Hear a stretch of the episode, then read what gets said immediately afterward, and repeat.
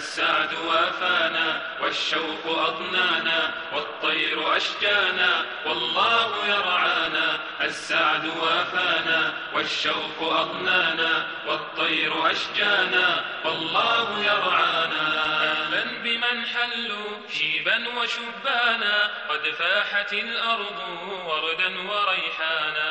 أهلا بمن حلوا شيبا وشبانا قد فاحت الأرض وردا وريحانا. قد فاحت الأرض وردا وريحانا. السعد وأفانا والشوق أغنانا والطير أشجانا. بسم الله الرحمن الرحيم.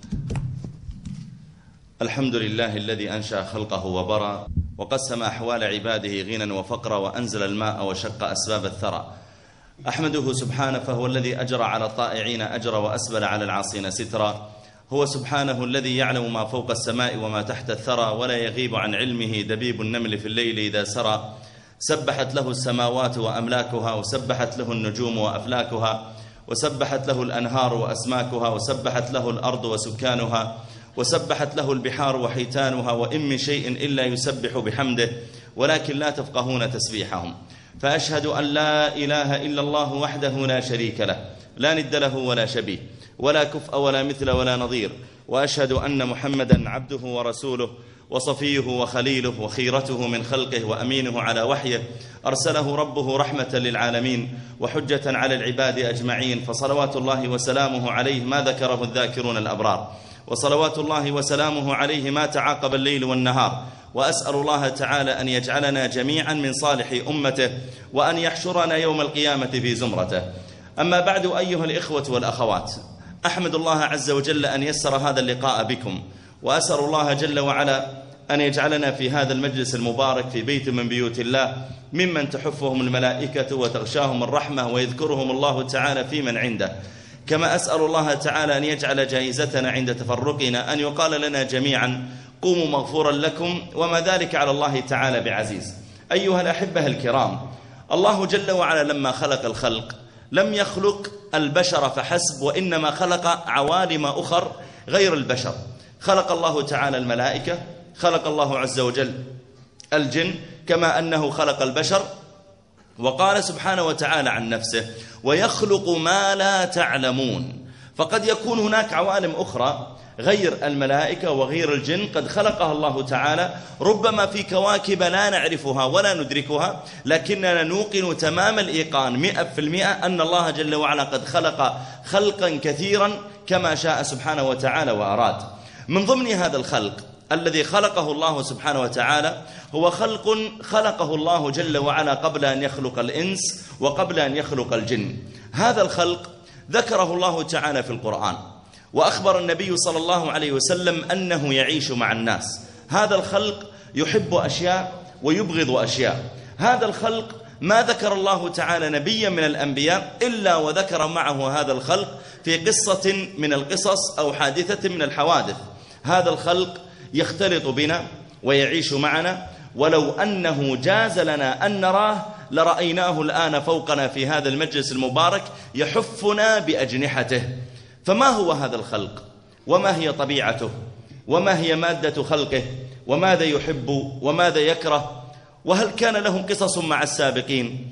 وهل يمكن لنا أن نراه؟ أن نرى الملائكة وهي تذهب وتجيء؟ هل الملائكة تأكل؟ هل تشرب؟ هل تتزوج؟ هل تنام؟ هل تموت؟ أيهما أفضل الناس الصالحون أم الملائكة؟ لعلنا أن نقف مع ذلك وقفات خلال هذه الدقائق التي بين أيدينا. أما الملائكة فقد كانوا موجودين منذ أن خلق الله تعالى السماوات والأرض.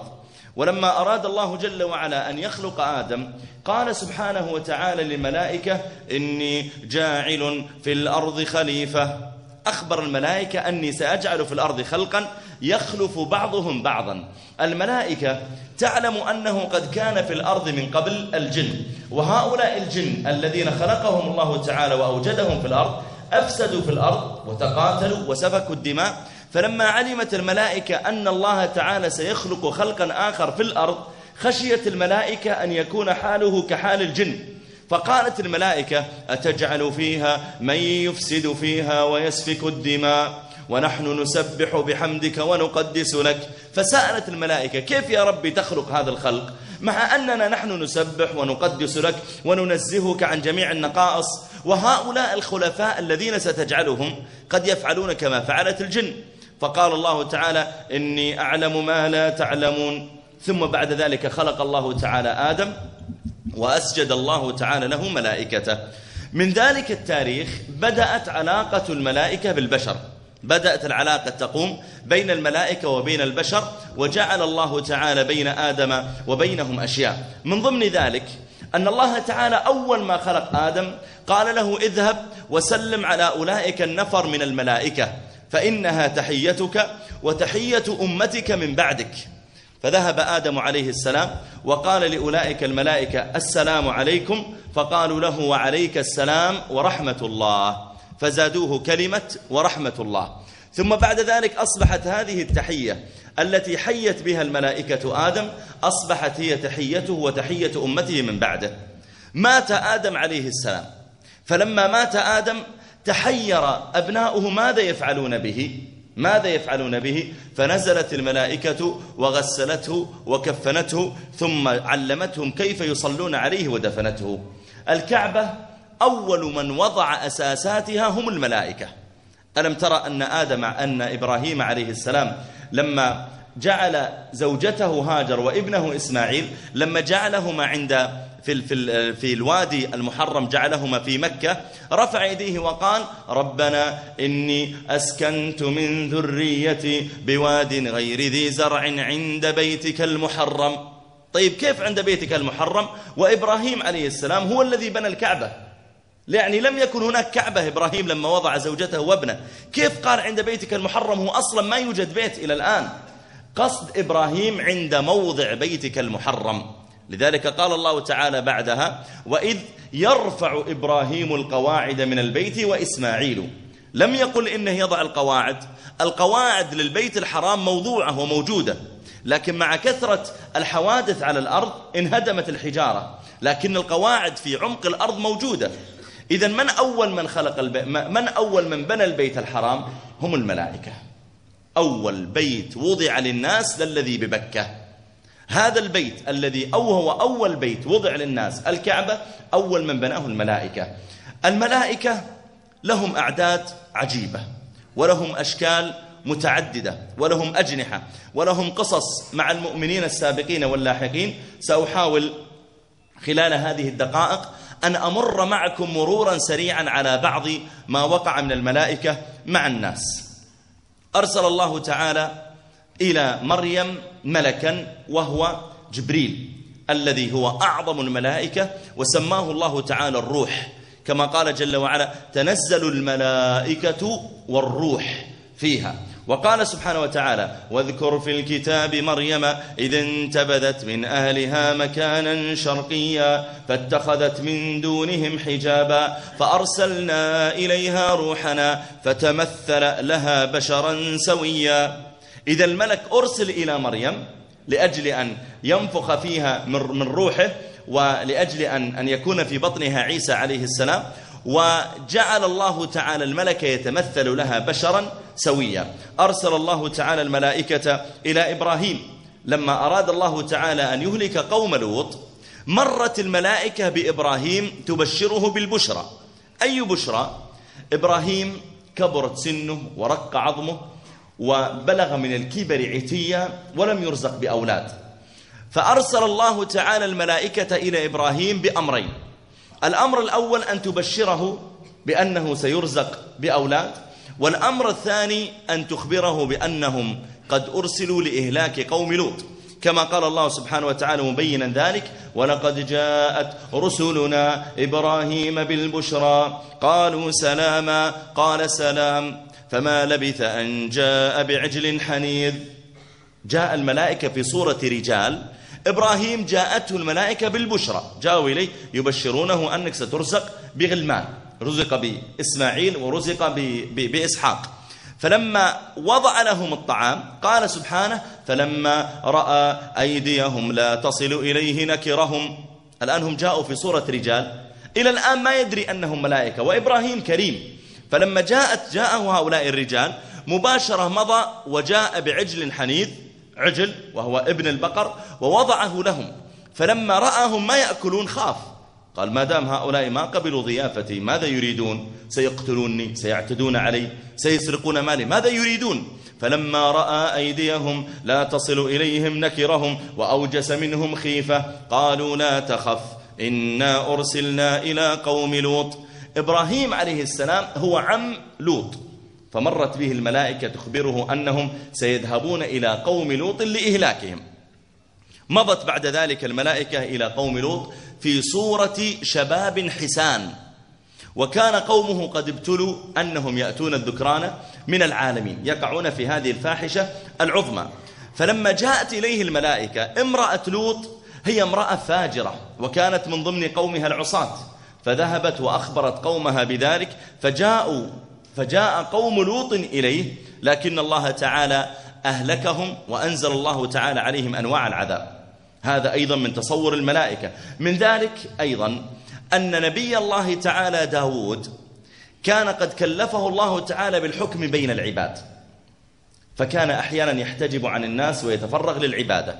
يوم من الأيام جلس في محرابه يتعبد. فأرسل الله تعالى إليه ملكين. هذان الملكان جاء في صورة رجلين فلما جاء إلى المحراب إلى مكان العبادة تسوراه من فوق. كما قال سبحانه وهل أتاك نبأ الخصم إذ تسوروا المحراب إذ دخلوا على داود ففزع منهم وهم ملائكة. لكنهم جاءوا إليه يقولون يا داود لماذا تحتجب عن الناس؟ والله تعالى قد جعلك حاكما وقاضيا بينهم. تسوروا المحراب. داود يصلي ما درى إلا وأمامه رجلان. كيف استطاعوا يدخلون؟ هم ملائكة. لهم قدرات ليست للبشر. فلما جاءوا إليه وتكلموا معه ففزع منهم قالوا لا تخف خصمان بغى بعضنا على بعض فاحكم بيننا بالحق ولا تشتط واهدنا إلى سواء الصراط. زكريا أيضا جاءته الملائكة.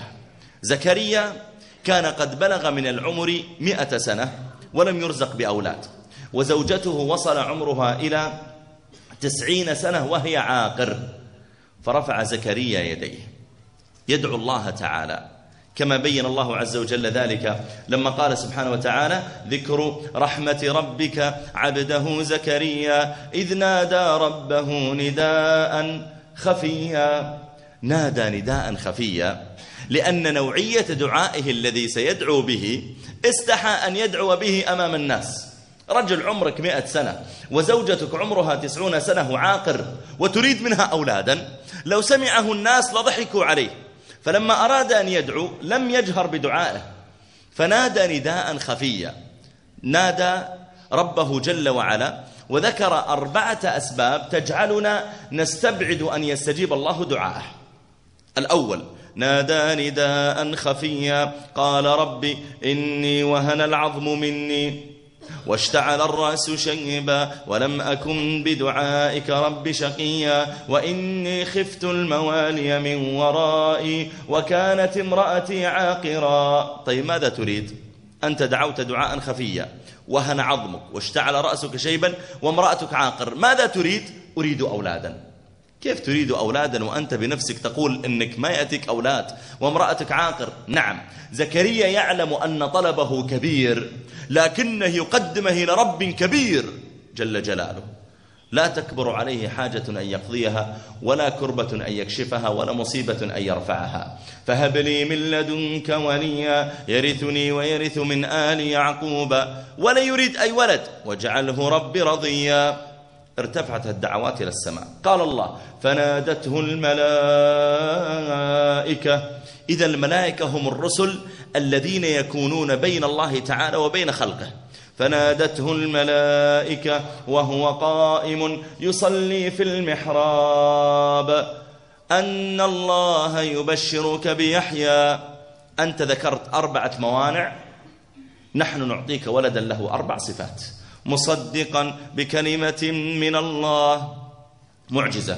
وسيدا في قومه. وحصورا عابدا. أنت تريده رضيا نحن جعلناه نبيا. ونبيا من الصالحين.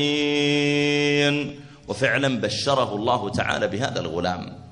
أما نبينا وسيدنا وقرة أعيننا محمد صلى الله عليه وسلم فله مع الملائكة ولأصحابه أيضا مع الملائكة من ذلك أعاجيب.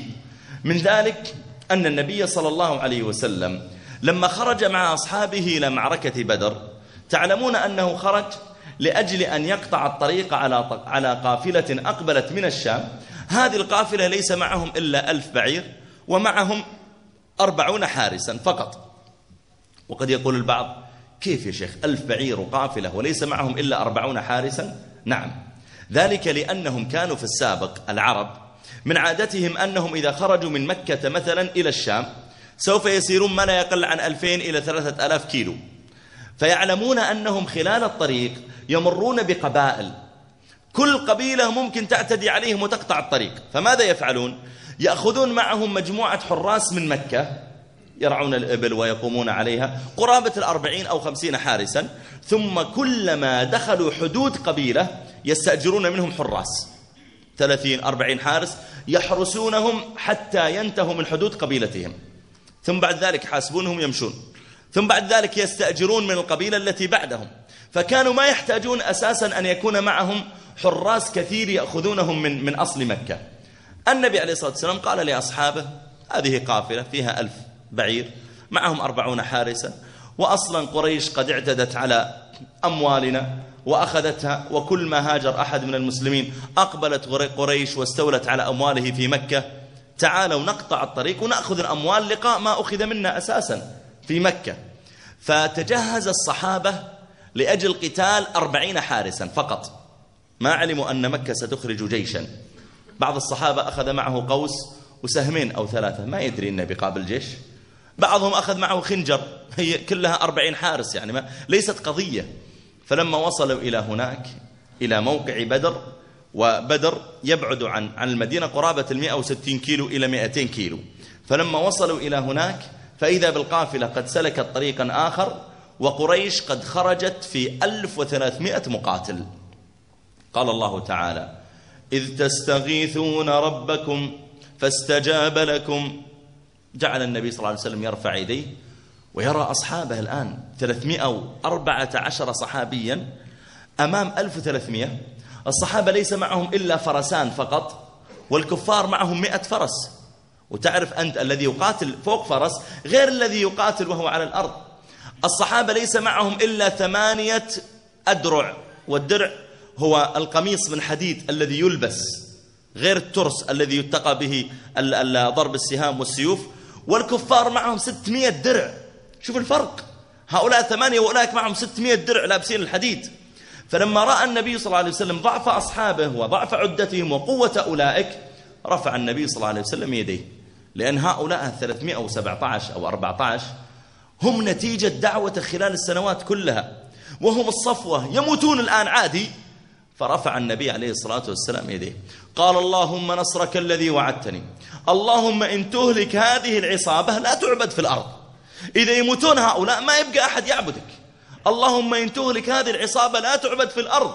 وكلما رفع يديه سقط رداؤه من على منكبيه.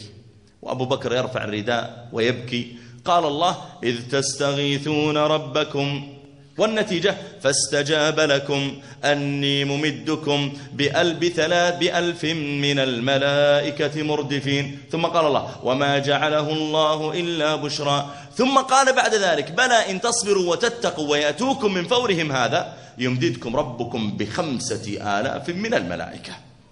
ويقول النبي صلى الله عليه وسلم لجبريل وهو يدعو وجاءته البشرى التفت إلى جبريل قال يا التفت إلى أبي بكر كان أبو بكر بجانبه فقال يا أبا بكر أبشر أتاك نصر الله؟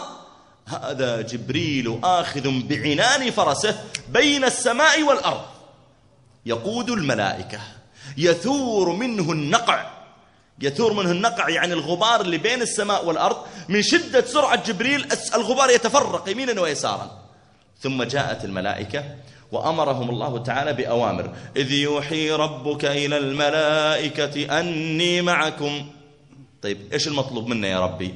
هذه أول معركة بين المسلمين والكفار. إيش المطلوب يا ربي؟ أولا فثبتوا الذين آمنوا.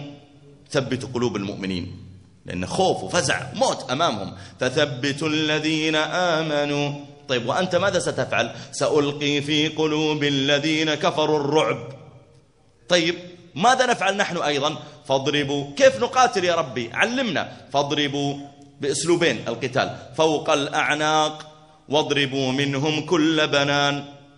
يقول الله تعالى للملائكة إذا ضربتم يا ملائكة بسيوفكم لا تضربوا البطن ولا تضربوا الرجل لا. السيف لا يقع إلا على رقبة أو يقع على أصابع يقطعها حتى ما يقدر يشيل السيف. فاضربوا فوق الأعناق واضربوا منهم كل بنان. يقول أحد الصحابة كنت في بدر أجري وراء أحد الكافرين لأقتله. الكافر مسرع هربان والصحابي وراءه بسيفه. قال وأسمع قائلا خلفي يقول أقدم حيزوم أقدم حيزوم. يقول ما أدري إيش حيزوم هذا. أقدم حيزوم أقدم حيزوم. قال فلما رفعت السيف وصل للكافر رفعت السيف فإذا برأسه يطير. قال فأدركت أن حيزوم ملك من الملائكة قاعد قاعد يركض ورائي معي وملك آخر يقول له عجل عجل أقدم أقدم. ولما أسر العباس بن عبد المطلب رضي الله عنه أسر وكان مع المشركين في ذلك الوقت قيل كان قد أسلم وكان يشتغل للنبي صلى الله عليه وسلم مخابرات في مكة فكان يظهر للكفار أنه كافر وهو مسلم وقيل إنه لم يسلم بعد. فلما أسر وجيء به إلى النبي عليه الصلاة والسلام قال قال النبي صلى الله عليه وسلم من أسره؟ فقال واحد من الصحابة أنا أسرته يا رسول الله. وكان الصحابي جايبه يعني مربط. فقال العباس نظر إلى الرجل قال لا والله ما هذا أسرني؟ قيل له فمن أسرك؟ ما دام ليس هذا الذي أوقعك في الأسر فمن أسرك فجعل يلتفت. قال أسرني رجال عليهم ثياب بيض لا أراهم ها هنا ما أشوفهم. فقال النبي صلى الله عليه وسلم للصحابي لقد أيدك الله بملك من السماء الرابعة. الملك هذا ترى هو اللي, هو اللي ربطه جاء في صورة رجل وربطه ثم جئت أنت وأخذته جائزا مأسورا. إذا هؤلاء الملائكة لهم أعاجيب مع المؤمنين. ليس فقط مع الأنبياء والمرسلين بل حتى مع البشر حتى مع الناس. في معركة بدر طلحة رضي الله تعالى عنه رمي بسهم. فلما رمي بسهم انقطع طرف أصبعه. فلما انقطع قال حس! مثل الآن لو أنت لمست شيئا حارا أو كذا تقول أح! أو أي! قال حس! فقال النبي صلى الله عليه وسلم لو قلت بسم الله. لرفعتك الملائكة والناس ينظرون. لو كان قلبك يعني معلق بحيث أنك أول ما تتفاجأ تقول بسم الله لدل على أن لسانك رطب بذكر الله وبالتالي تستحق أن الملائكة ما تصبر تمسكك وترفعك. لرفعتك الملائكة والناس ينظرون. وسيد بن الحضير رضي الله تعالى عنه قام مرة يصلي فأخذ يرتل سورة البقرة. قال فجالت فرسي. يصلي ويقرأ ألف لام يقرأ سورة البقرة. بجانبه فرسه مربوطة وبجانبه ولده يحيى صغير ونائم. والرجل يقوم الليل. قال فجالت فرسي جعلت يعني تحوس يمينا ويسارا وتتحرك. قال فخفت على ولدي يحيى فسكت. فسكنت فرسي. قال ثم قرأت فتحركت. قال ثم قرأت فشعرت فوقي بأضواء وأنوار. قال حتى خفت على ولدي يحيى فانتهى من قراءته. فلما أصبح قلت يا رسول الله بين أنا البارحة في جوف الليل أقرأ أصلي إذ جالت فرسي ثم رأيت أنوارا. فقال صلى الله عليه وسلم اقرأ يا ابن الحضير اقرأ يا ابن الحضير اقرأ. تلك الملائكة تنزلت لقراءتك. إذا الملائكة ممكن تتنزل أيضا على المؤمنين في صلاتهم وتقترب منهم. كما قال عليه الصلاة والسلام ما من مؤمن يبيت طاهرا. يعني يتوضأ ويبيت على طهارة إلا بات معه في شعاره ملك. يعني بات بجانبه ملاصقا له ملك. كل من قلب على جهة قال اللهم اغفر له اللهم ارحمه. إذا الملائكة يا جماعة معنا في كل مكان. وكما قال عليه الصلاة والسلام إن من أكل ثوما أو بصلا فلا يقربن مسجدنا أو قال فليعتزلنا. لماذا؟ فإن الملائكة تتأذى مما يتأذى منه المصلون. وأخبر الله تعالى أن المؤمنين يرسل الله تعالى عليهم حفظه. كما قال الله جل وعلا ويرسل عليكم حفظه. وقال سبحانه وتعالى له معقبات من بين يديه ومن خلفه. ماذا يفعلون؟ يحفظونه. من, من الذي أمرهم؟ من أمر الله.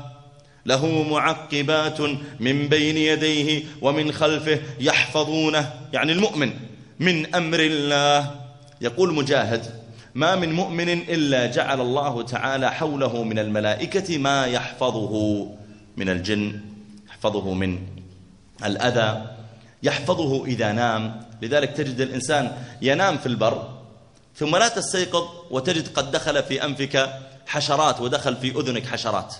مثلا تجد الحشرات قد تأتي على وجهك تأتي على يدك لكن هل استيقظت يوما فوجدت أذنك فيها نمل؟ مثلا أو أنفك في داخله نمل؟ يقول مجاهد المفسر يقول إن الله تعالى قال عن نفسه ويرسل عليكم حفظة. حفظة يعني من الملائكة. الملائكة لهم أعداد عجيبة جدا. أخبر النبي صلى الله عليه وسلم عن البيت المعمور في السماء فقال عليه الصلاة والسلام محدثا عنه قال البيت المعمور في السماء فوق الكعبة البيت المعمور في السماء فوق الكعبة يعني في يعتبر بالنسبة للسماء في مركزها كما أن الكعبة في مركز الأرض. قال يدخله كل يوم سبعون ألف ملك فيصلون ثم يخرجون منه ولا يعودون إليه إلى قيام الساعة. يا جماعة إذا كان كل يوم يدخله سبعون ألف ملك كل يوم إذا كم سيكون عدد هؤلاء الملائكة؟ العدد العظيم جدا. الملائكة يحمون المؤمنين من الأذى. من ذلك أن أبا جهل قال يوما لقريش في أوائل بعثة النبي عليه الصلاة والسلام. قال لقريش أيعفر محمد وجهه بين أظهركم؟ يأتي محمد يسجد عند الكعبة وأنتم ساكتون؟ ها؟ كيف تجعلون يفعل ذلك؟ كيف تسمحون له؟ أيعفر محمد وجهه بين أظهركم؟ قالوا نعم. قال والله لو رأيته يفعل ذلك لأطأن على رقبته بقدمي. سكتوا. فإذا بالنبي صلى الله عليه وسلم قد أقبل إلى الكعبة بصلي. يلا يا أبا جهل أرنا بطولاتك التي ذكرت قبل قليل. كبر النبي عليه الصلاة والسلام وصلى وسجد. فأقبل أبو جهل إلى النبي عليه الصلاة والسلام ليحقق ما, ما توعد به. فلما جعل يقترب ويقترب منه وكاد أن يرفع رجله والنبي عليه الصلاة والسلام ساجد وأصحابه يرونها البطولة في هذه الأثناء فجأة صاح أبو جهل ووضع يديه أمام وجهه وجعل يرجع القهقرة يعني يرجع إلى ظهره. حتى وصل إلى أصحابه وهو متغير. قالوا له يا أبا جهل وين كلامك؟ أنت تقول أطع على رقبته. وأين هذا الكلام؟ قال والله إن بيني وبينه لخندقا من نار وهولا وأجنحة. يقول كل هالأمور بيني وبينه ما استطعت. فسئل النبي صلى الله عليه وسلم فقال هؤلاء الملائكة والله لو دنا مني لنزعته الملائكة عضوا عضوا. وأنزل الله تعالى الآيات أفرأيت الذي ينهى عبدا إذا صلى؟ ليش تمنعه يصلي؟ ماذا فعل لك؟ ماذا يضرك صلاته؟ أرأيت الذي ينهى عبدا إذا صلى؟ أرأيت إن كان على الهدى أو أمر بالتقوى؟ أرأيت إن كذب وتولى؟ ألم يعلم بأن الله يرى كلا؟ لئن لم ينتهي لنسفعا بالناصية. ناصية كاذبة خاطئة فليدع نادية سندع الزبانية. وتوعده, وتوعده الله تعالى بالزبانية يعني في يوم القيامة.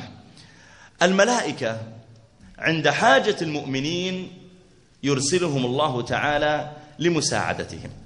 من ذلك أن إبراهيم عليه السلام لما جعل ابنه جعل ابنه إسماعيل وأمه هاجر زوجة, إبرا زوجة إبراهيم جعلهما في الوادي غير ذي زرع وضع عندهما جرابا فيه تمر وسقاء فيه ماء وتركهما. السلام عليكم. وذهب. هاجر تنظر كيف؟ يعني كذا في البر لوحدنا. يعني لا أنيس ولا جليس ما أسمع إلا ما أرى إلا الحيات والعقارب وأصوات ذئاب. يا إبراهيم. تركها إبراهيم ومضى. طيب كيف أنا أبقى هنا؟ يا إبراهيم. ما رد عليها. يا إبراهيم فما أجابها. قالت آه الله أمرك بهذا؟ قال نعم. قالت إذا لن يضيعنا. ثم مضى إبراهيم. لما انتهى السقاء وعطشت وعطش ولدها وجف ثديها من اللبن جعلت تجري وتسعى بين الصفا والمروة. في هذه الأثناء بعث الله تعالى جبريل. أقبل جبريل إلى إسماعيل وإسماعيل يركض برجله من شدة العطش والحر فوقه. صبي في مهده ملقى في الصحراء في شدة الشمس وإسماعيل يركض برجله من شدة العطش والجوع والحر. فأقبل جبريل وركض الأرض بعقبه. برجل جبريل ضرب الأرض وقيل بجناحه. فنبعت زمزم. وأقبلت أم إسماعيل تحوطها بالتراب. من شدة الفرح تخاف هالماء هذا أن تشربه الأرض ويذهب. فصارت تجعل له تصنع له حوضا حتى تجمع تقدر تشرب. فقال صلى الله عليه وسلم رحم الله أم إسماعيل.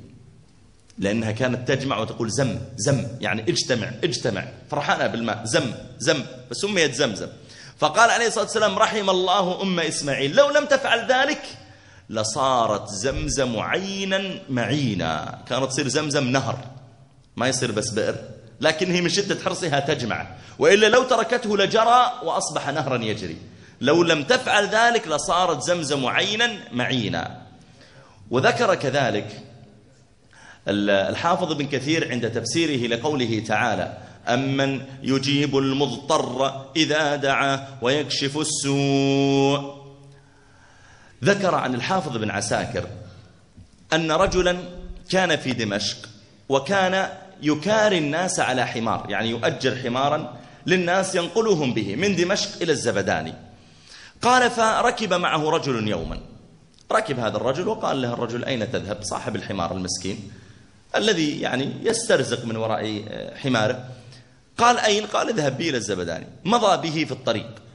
فلما كان في بعض الطريق قال له ذلك الرجل خذ من هذا الطريق فإنه أقرب.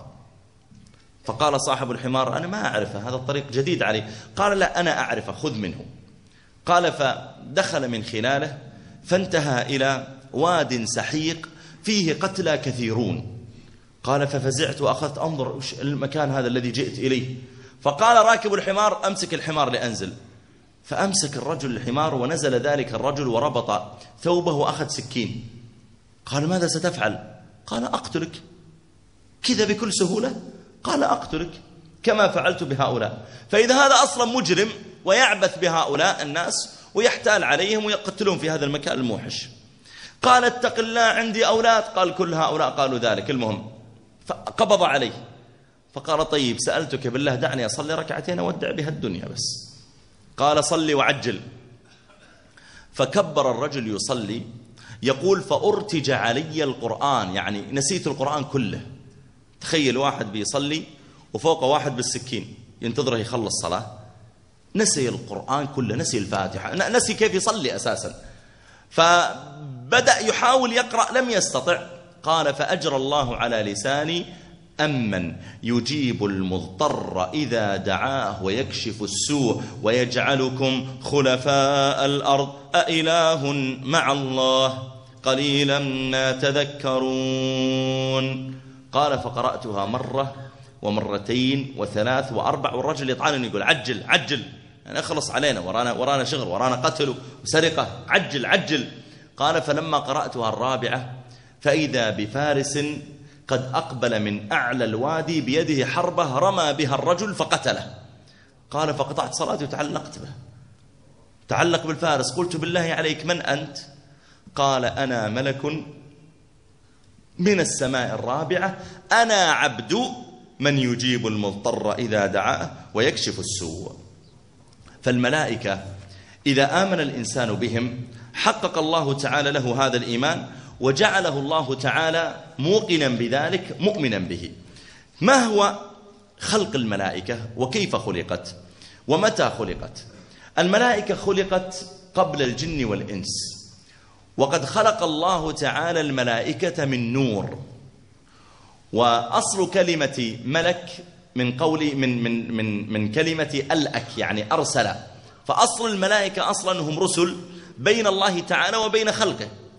والذين كانوا يرسلهم الله تعالى إلى خلقه هم عدد من الملائكة ليس فقط جبريل أيضا هناك ملائكة أخر قد يرسلهم الله تعالى ببعض الحاجات كما فعل الله تعالى مع النبي صلى الله عليه وسلم لما خرج من الطائف إلى مكة راجعا وذلك أنه عليه الصلاة والسلام كذبه أهل مكة بعدما ماتت خديجة ومات عمه آه، أبو طالب فيعني تعب عليه الصلاة والسلام مات عمه عبد المطلب فتعب مع ومات جد عمه أيضا أبو طالب وجده قبل ذلك فخرج يلتمس النصرة من الطائف.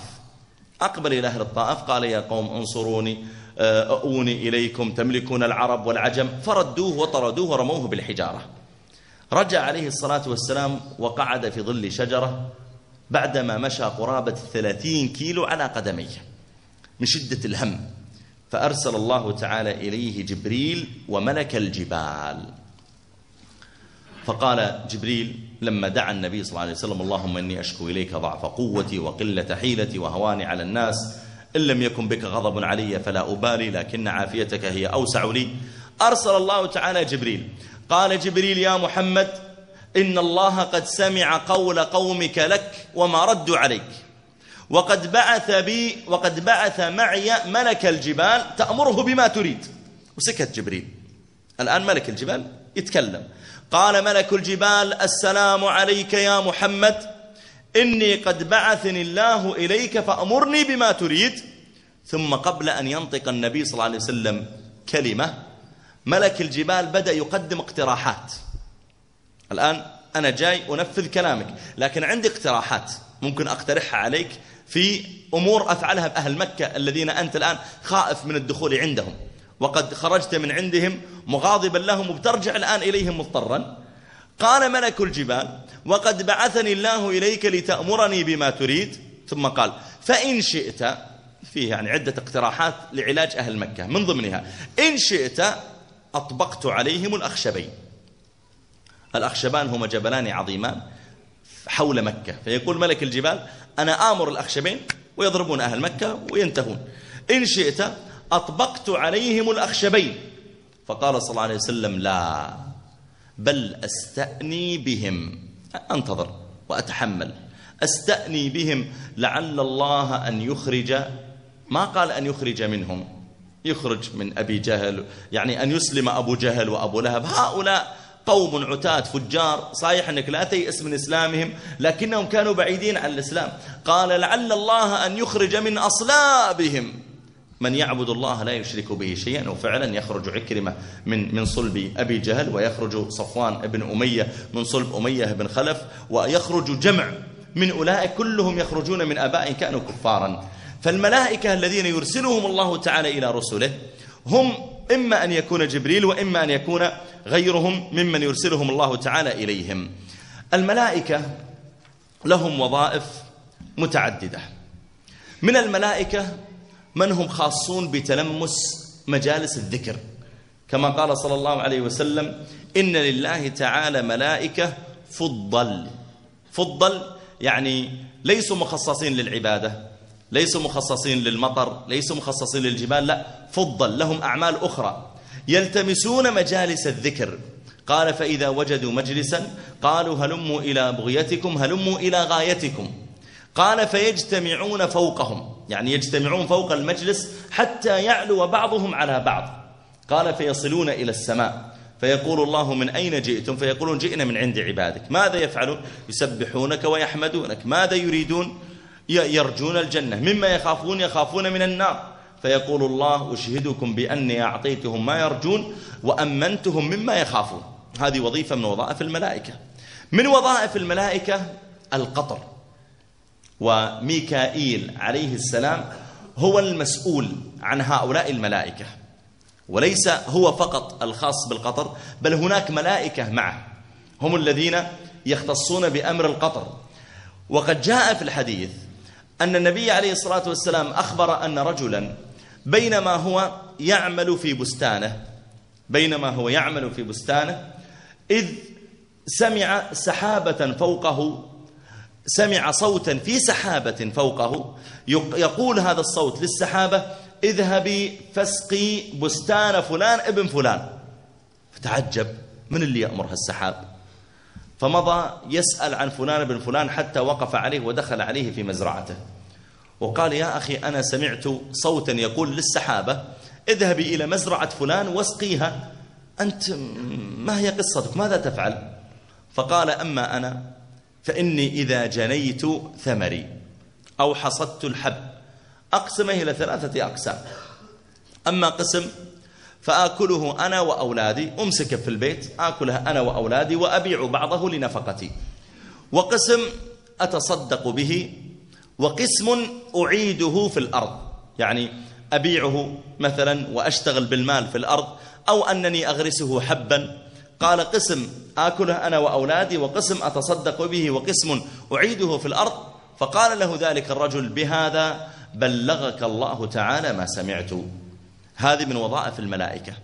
من وظائف الملائكة أيضا النظر في من يشهدون صلاة الجماعة. كما جاء في صحيح مسلم أن النبي صلى الله عليه وسلم أخبر فقال يتعاقبون فيكم ملائكة بالليل وملائكة بالنهار. يعني هؤلاء يأتون في فترة الليل من بعد العصر إلى الفجر ثم يصعدون. في فترة الفجر ينزل المجموعة الثانية ويستمرون العصر ويصعدون ثم تنزل المجموعة الأولى يتعاقبون. قال يتعاقبون فيكم ملائكة بالليل وملائكة بالنهار. قال فإذا قال ويجتمعون في صلاة الفجر والعصر. فإذا صعد الأولون في صلاة الفجر ويستلم الآخرون يقول الله تعالى لهم من أين جئتم؟ فيقولون جئنا من عند عبادك. فيقول وماذا يفعلون؟ فتقول الملائكة تركناهم يصلون. والله إحنا صعدنا لك وهم قاعدين يصلون. ثم إذا صعد الملائكة الآخرون اللي نزلوا الفجر وصعدوا العصر يقول الله من أين جئتم؟ فتقول الملائكة جئنا من عند عبادك. فيقول كيف أتيتموهم وكيف تركتموهم؟ فتقول نزلنا وهم يصلون وصعدنا وهم يصلون. وهذا يا أحبابي من بركة حضور صلاة الجماعة أن الإنسان يكون ممن تشهد له الملائكة بالصلاة. وفي صحيح مسلم أيضا أخبر النبي صلى الله عليه وسلم أنه في يوم الجمعة يجلس عند أبواب المسجد ملائكة بأيديهم صحف يكتبون الأول فالأول.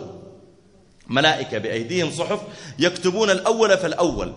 فإذا دخل كل إنسان بدأوا يكتبون دخل فلان ثم فلان ثم فلان.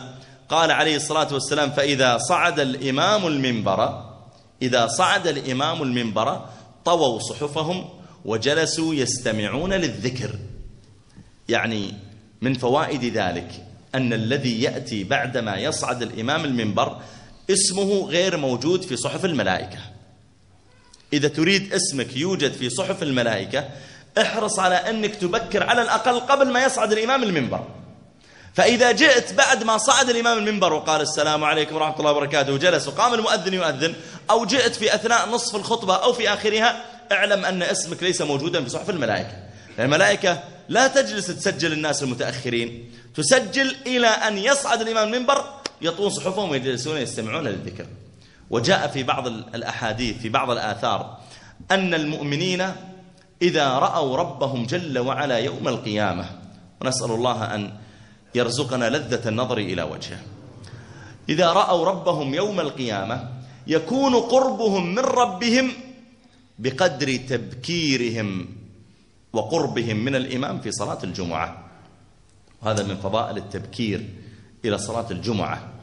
وذكر الزركشي قال كان الأولون يبكرون إلى صلاة الجمع ومما أحدثه المتأخرون أنهم غيروا في ذلك. ثم قال الزركشي رحمه الله قال وإن قال ولقد حدثنا الأولون. يتكلم عن الصحابة. يقول ولقد حدثنا الأولون أن أحدهم كان يخرج إلى صلاة الجمعة بيده السراج. تدرون يا جماعة إيش معنى بيده السراج؟ شوف التبكير. يعني يطلع إلى المسجد ويصلي الفجر في الظلمة. يرجع إلى بيته يأكل لقمتين وطالع للمسجد بيصلي الجمعة. ما بعد طلعت الشمس إلى الآن ظلمة. فلأن الطريق فيه حشائش فيه حيات فيه حفر ليس مثلنا اليوم يعني طرق معبدة ومهيئة يعني في مثل البر يسكنون هم فكان ظلمة ويحتاج أن يخرج معه السراج. يطلع إلى صلاة الجمعة قبل تطلع الشمس من شدة سباقهم إلى صلاة الجمعة.